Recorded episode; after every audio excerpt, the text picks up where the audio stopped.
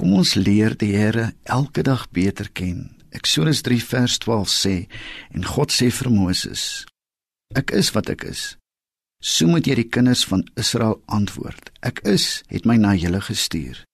Om iemand te ken in krisistye is baie belangrik.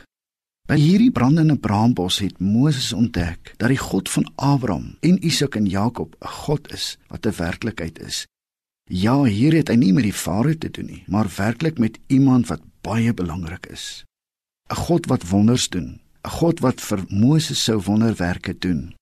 Nou vele name van God is gewoonlik iets wat hom beskryf, maar in die geval word God se naam as 'n werkwoord voorgestel. God sê vir Moses: Ek is.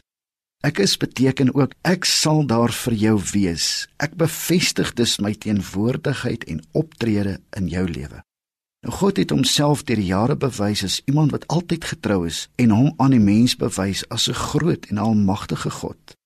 In die Ou Testament word daar op verskillende plekke en verskeie ander mense wat melding maak van God na sy name heen gewys. In Genesis 1 word God se naam in Hebreëus as Elohim voorgestel. Elohim beteken God en hy heers. Jahwe beteken weer Here, Jehovah en Meester. Elion beteken God in die hoogste hemele. Adonai, Here en Meester. El Shaddai, die algenoegsame God en so kan ons aangaan. God is dis wie hy is, nie as gevolg van die mense keuse, gesag, mag of invloed nie.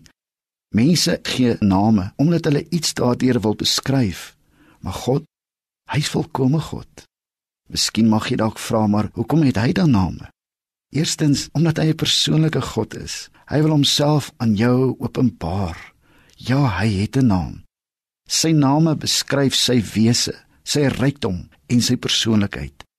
Deur sy name verbind God hom aan die mens.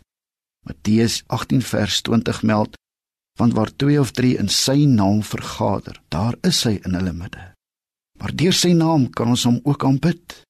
Deur sy naam kan ons op hom vertrou En deur sy naam kan ons die evangelie verkondig en boonop deur sy naam ontvang ons vergifnis van sondes.